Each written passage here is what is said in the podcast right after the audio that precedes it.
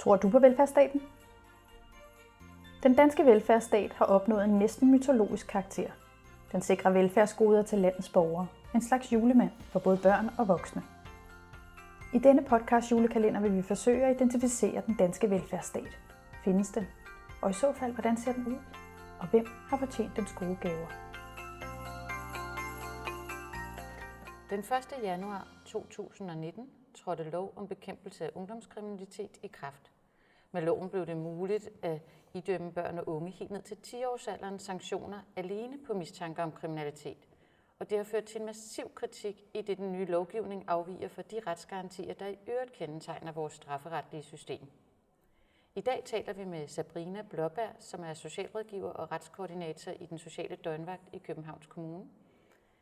Københavns Kommune deltager hvert øh, år i 1800 afhøringer, grundlovsforhør og fristforlængelser med børn og unge under 18 år.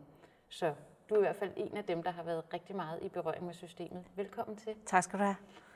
Så nu har I arbejdet med den nye lov i næsten et år. Tror du på den danske velfærdsstat?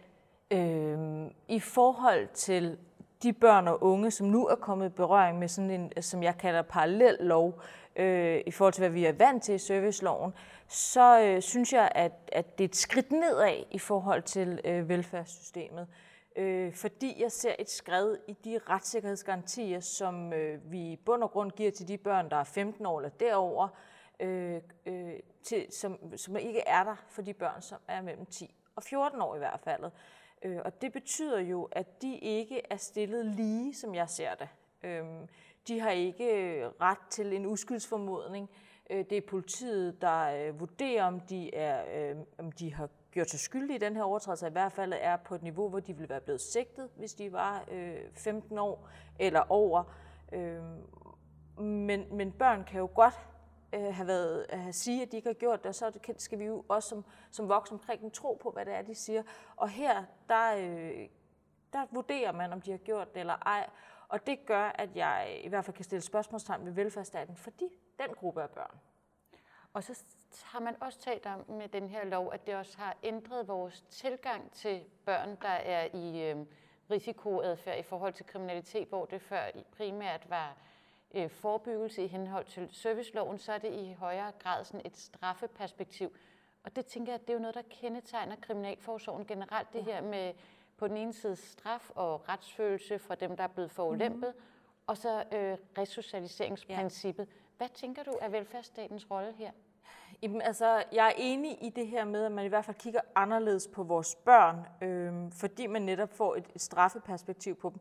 Det er jo ikke det, er jo ikke det lovgiver har lagt op til med loven. Lovgiveren har lagt, og lovgiver har lagt op til, at vi skal øh, fange den hårde kerne, vi skal bringe den tilbage i vores velfærdssamfund. Det er i hvert fald intentionen med det øh, som jeg synes er god. Øh, problemet er bare, at sondring går på, at du ryger, i den her, du ryger ind i loven, hvis du har begået kriminalitet. Så derfor bliver fokus jo på det. Øh, når man så sidder i ungdomskriminalitetsnævnet, så er fokus jo ikke på kriminaliteten. Så er fokus på, hvordan skal vi hjælpe barnet videre. Og det er det positive i det. Men det var jo noget, vi allerede havde i serviceloven. Og øh. hvilke udfordringer giver det, hvis du skulle sige, nu har I arbejdet med det et år. Hvad er så de største udfordringer i 2020? Jeg synes, det største, de største udfordringer øh, i forhold til det her, det er, at børn på baggrund af en mistanke bliver behandlet som kriminelle.